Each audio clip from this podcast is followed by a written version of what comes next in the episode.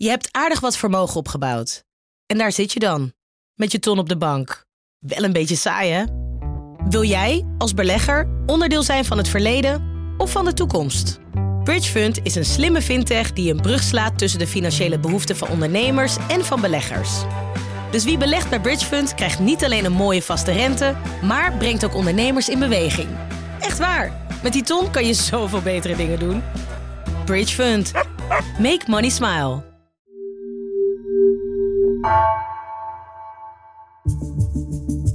Vanaf de redactie van NRC het verhaal van vandaag. Mijn naam is Thomas Rup.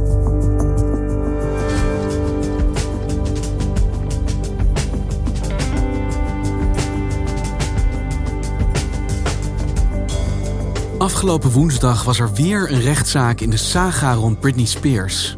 De popster zal al 13 jaar in onvrijheid leven, onder controle van haar vader. Fans roepen het al jaren, vertelt redacteur Annemarie Sterk, verenigd onder de hashtag Free Britney. Maar wat zegt Britney Spears hier eigenlijk zelf over?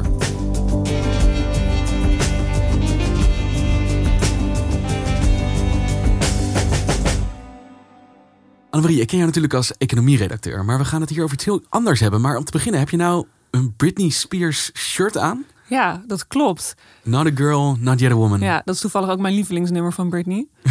ik identificeerde me daar zeer mee als tienermeisje. Want hoe ben jij fan geworden? Uh, ja, zoals moeilijk te missen in de popindustrie. Eind jaren 90 kwam natuurlijk ineens het bekende nummer. Je hoeft die tonen maar te horen en je weet... Britney, hit me baby one more time. Schoolmeisje, kort rokje, blote buik, twee staarten in.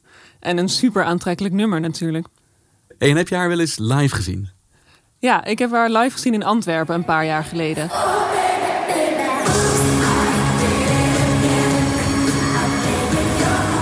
Was super geweldig om dat mee te maken, dat concert. Iemand uit je jeugd, je kent alle nummers. Maar na afloop hadden we er toch, mijn vriend en ik, een beetje een gek gevoel over.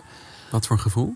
Nou, het voelde alsof we toch ook een beetje naar een robot hadden staan kijken. Iemand die wel super zuiver alle danspassen uitvoerde, maar niet een mens dat plezier had in haar optreden. En dat gevoel is ook sterker geworden en is in een ander daglicht komen te staan toen begin dit jaar een documentaire over Britney Spears uitkwam, uh, mede gemaakt door de New York Times, waarin uh, wordt ingegaan op hoe het nou eigenlijk met Britney Spears gaat.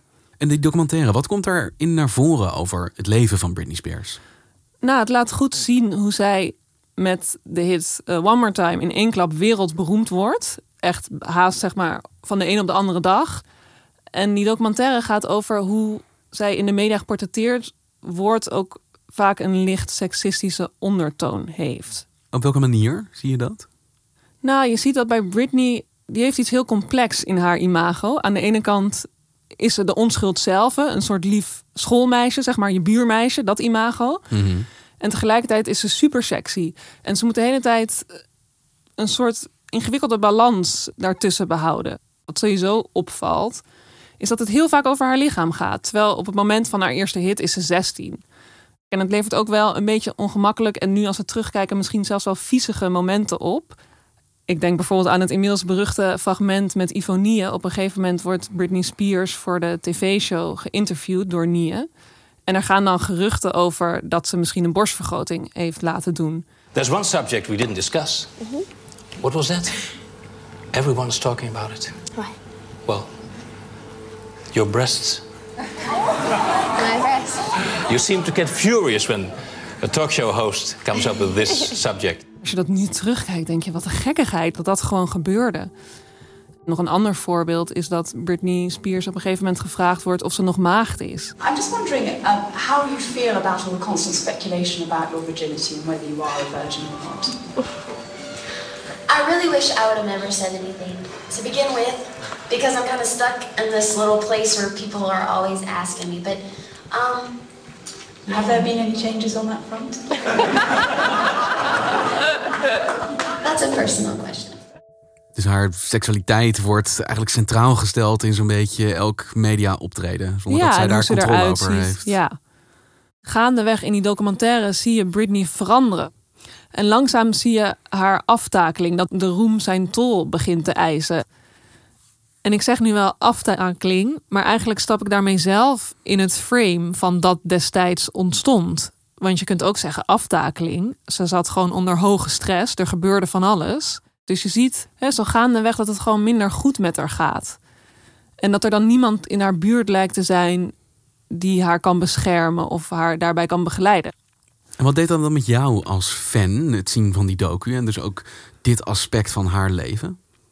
Nou, ik denk dat ik me schamen is misschien een groot woord, maar tegelijkertijd misschien toch ook wel een beetje schaam, omdat ik dacht, ik heb dit wel ook allemaal gevolgd op blogs destijds. Ik heb al die foto's gezien. Je voelt je medeplichtig op een bepaalde manier. Ja, want die foto's werden natuurlijk ook gemaakt omdat er een soort honger was vanuit ons fans of vanuit het publiek om alles wat Britney aanging, om daarover te lezen of het te bekijken. En daar deed je dan aan mee? Ja, eigenlijk wel. En waarom is er nou de afgelopen tijd zoveel te doen om Britney Spears? Ja, eigenlijk moeten we daarvoor nog wat verder terug om te begrijpen wat er met Britney Spears aan de hand is. 13 jaar geleden heeft ze een vrij publiekelijke uh, breakdown gehad. Ze gaat dan langs bij haar ex-man omdat ze haar kinderen wil zien. Dan wordt haar de toegang geweigerd. Ze wordt overal gevolgd door paparazzi. Die filmen haar dan. En ze zit soort van vast in een soort menigte dolle fotografen. Hey, how, how are you doing? You doing okay? I'm concerned about you though, okay? Ze scheert haar hoofd kaal voor het oog van de camera's. Ik denk dat veel mensen dat beeld zich zullen herinneren. Hmm. best wel een verdrietig beeld dat ze dan zo haar mooie lokken zo uh, wegscheert. Ik denk ook dat veel mensen daarvan schrokken. Ja, de vraag was dan of het heft in eigen handen nemen was... of iemand die uh, waanzin ervaart. Ja, of ze aan het doorslaan was. Uh, en niet lang daarna uh, gebeurt er nog een keer zoiets. Nam Maps op een gegeven moment met een paraplu op een auto in... omdat ze wil dat de paparazzi uit haar buurt blijven... en haar niet meer lastigvallen. Please, guys. Please, please, guys, don't do this.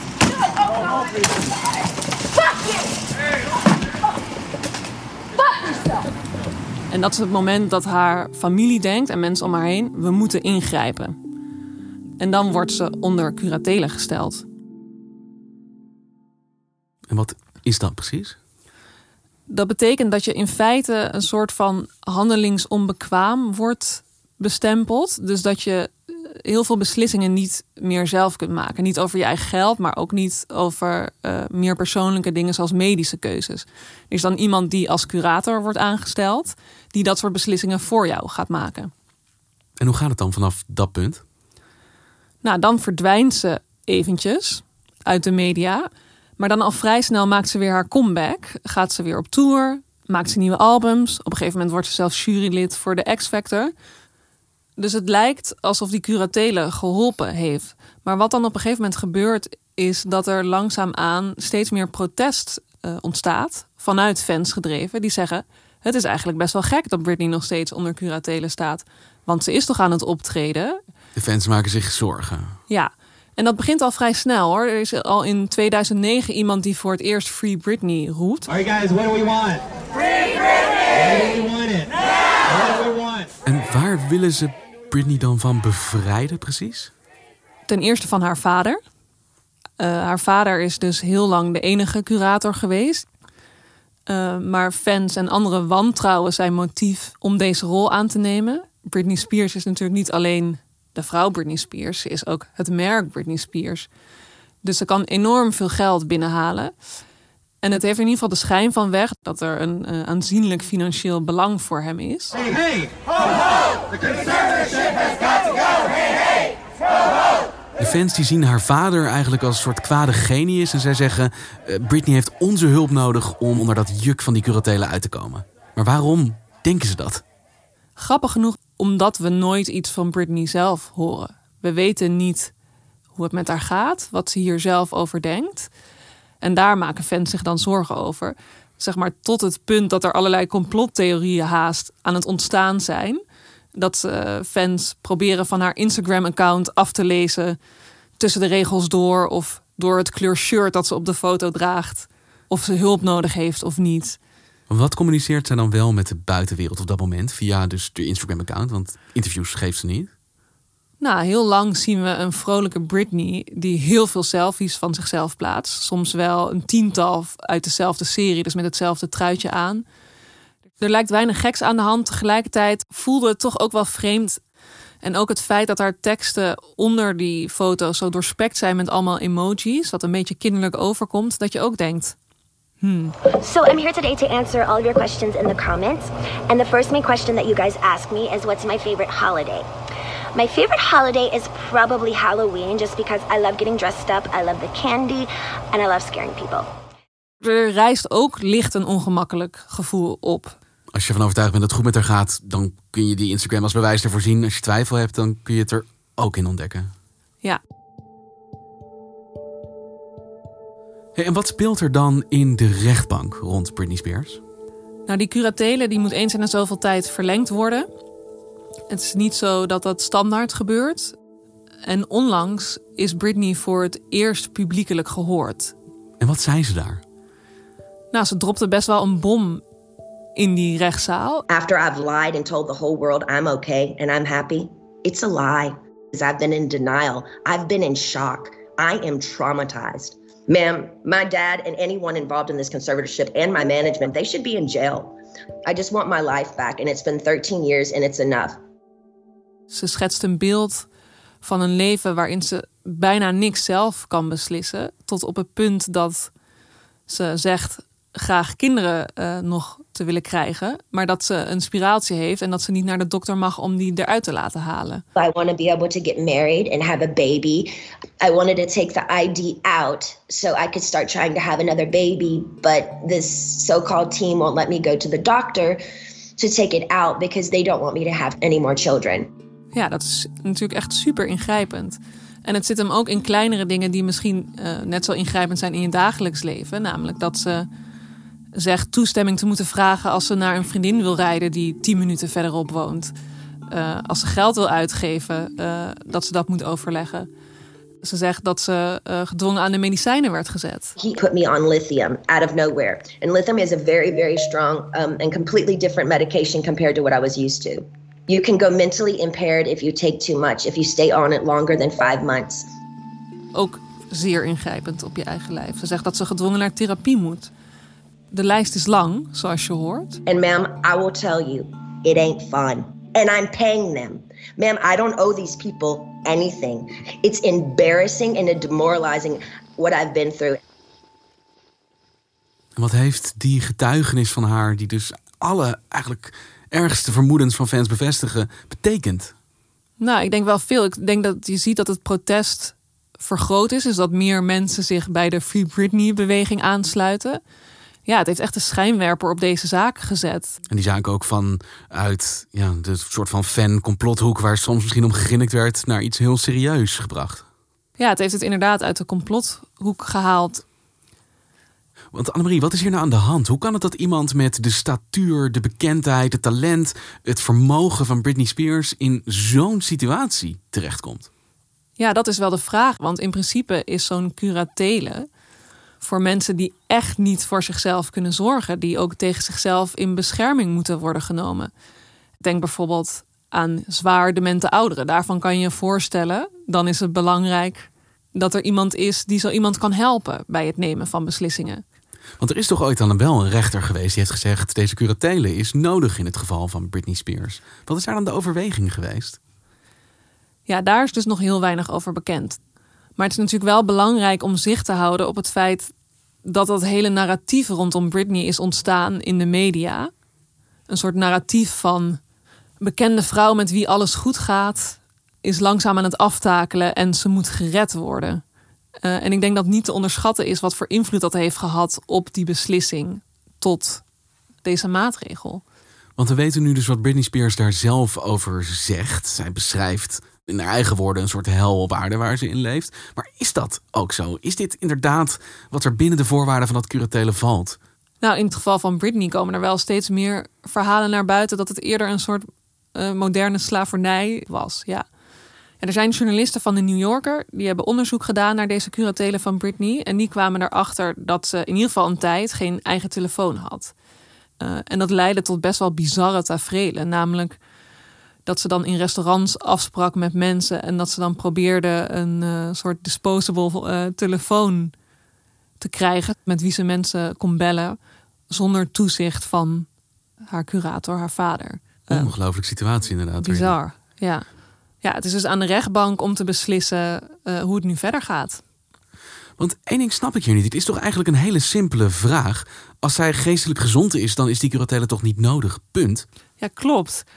Kennelijk kan haar vader en de andere mensen die erbij zijn betrokken toch steeds een sterke zaak maken dat ze die curatele wel nodig heeft. En ik kan me ook voorstellen dat je in een soort catch-22 terechtkomt. Want uh, als het slecht gaat met je, is dat bewijs van, zie je, ze heeft het nodig. En gaat het goed, kun je ook zeggen, ja, dat is alleen maar omdat wij alle beslissingen voor haar nemen. Kan het zo zijn dat deze curatele gewoon eigenlijk voor eeuwig is? Dat ja, deze wereldster nooit de controle over haar eigen leven zal terugkrijgen? Nou, ik ben een optimistisch mens, dus ik hoop wel dat er ooit een eind aan komt. Maar in theorie, uh, ja.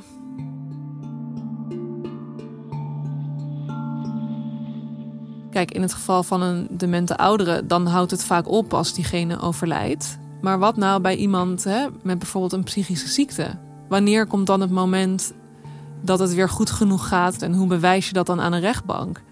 En helemaal, hoe bewijs je dat als er iemand is die misbruik van je maakt? Want die zal dan alles hè, in het werk stellen om je zo ziek mogelijk te laten lijken. Ja, maar op dit moment is er zoveel aandacht voor, zoveel controverse. Ze heeft zelf gesproken. Ik bedoel, wij hebben het hier ook over, omdat de wereld hier nu mee bezig is. Gaat dat niks veranderen voor haar situatie? Nou, ik denk het wel. Het feit dat we nu Britney Spears zelf hebben gehoord in de rechtbank, dat is vast ook mede te danken aan het feit dat er zoveel aandacht voor haar is gekomen. Er zijn meerdere sterren die hun steun aan Britney Spears hebben uitgesproken. Bijvoorbeeld Miley Cyrus, die uh, Free Britney roept. Free Britney! Free, free, free, free Britney! Er is een trits aan sterren die zich hier nu mee bemoeien. En die die druk op die zaak misschien ook wel kan doen opvoeren. Ja, dat denk ik wel. Want het klinkt alsof het niet alleen hier gaat om het lot van Britney Spears en wanneer zij van zo'n conservatorship afkomt, maar gewoon überhaupt dit fenomeen van werkt dit systeem wel? Dat je iemand dusdanige wijze vrijheid kan ontnemen. Ja, dus je ziet inderdaad, enerzijds hè, gaat het natuurlijk om Britney Spears en om haar persoon. En eh, dat iedereen probeert haar leven beter te maken. Maar er zijn veel meer mensen die onterecht onder zo'n curatele zitten. In de VS staan er ongeveer 1,3 miljoen mensen onder een vorm van curatelen. En wanneer moet je daartoe over kunnen gaan? En zitten er wel genoeg waarborgen in het systeem om mensen er ook weer onder vandaan te krijgen als dat nodig zou blijken? Je ziet steeds bijvoorbeeld uh, politici of advocaten die zich hierover uh, over uitspreken. Die zeggen Britney Spears is heus niet de enige. We can sit here all day and say, oh, conservatorships are here to help people. But ma'am, there's a thousand conservatorships that are abusive as well. I wish I could stay with you on the phone forever because when I get off the phone with you, all of a sudden I hear all these no's. No, no, no. And I feel ganged up on and I feel bullied and I feel left out and alone. And I'm tired of feeling alone. I deserve to have the same rights as anybody does by having a child, a family, any of those things. Hey, en na deze noodkreet van Britney aan de rechtbank, wat is dan nu de laatste stand van zaken hier? Nou, afgelopen woensdag was er best wel een doorbraak in haar rechtszaak. Toen besloot de rechter dat Britney nu haar eigen advocaat mag aanwijzen, die echt haar belangen gaat behartigen. En voorheen was dat natuurlijk ook wel de bedoeling, maar werd er wel getwijfeld aan of die advocaat wel echt het beste met haar voor had.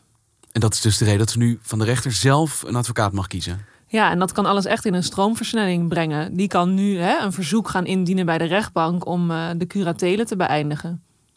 Als fan hoop ik natuurlijk dat ze snel onder deze curatelen uitkomt. Dat uh, er mensen in haar leven komen die echt het beste met haar voor hebben. En niet per se met het merk Britney Spears. En als dat betekent dat ze misschien wel nooit meer optreedt omdat ze denkt dat hoeft niet, dan is dat ook oké. Dan was de era Britney Spears gewoon een mooie en is het nu klaar. En heeft Britney Spears zelf eigenlijk nog iets tegen haar fans gezegd sinds haar optreden in de rechtbank? Ja, op Instagram heeft ze haar excuses aangeboden aan haar fans. Een beetje in lijn met wat ze ook vertelde in de rechtbank. En ze zei van sorry dat ik heb gedaan alsof alles in orde was, terwijl dat eigenlijk niet zo was. Ik dacht als ik de schijn kan ophouden, dat ik me misschien vanzelf beter voel. Sorry dat ik niet eerder eerlijk ben geweest. En woensdagavond heeft Britney ook zelf weer van zich laten horen aan haar fans. Op sociale media bedankte ze uh, al haar fans voor alle steun. En ze heeft zelfs voor het eerst de hashtag Free Britney zelf gebruikt. En ze zegt hier dus ook: jullie hadden gewoon gelijk. Impliciet wel, ja.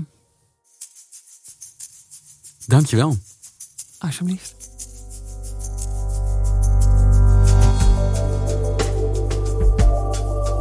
Je luisterde naar vandaag, een podcast van NRC. Eén verhaal, elke dag. Deze aflevering werd gemaakt door Esme Dirks en Misha van Waterschoot. Plaatsvangend chef van de audioredactie is Ido Havinga. De muziek die je hoort is van Rufus van Baardwijk. Dit was vandaag. Maandag weer.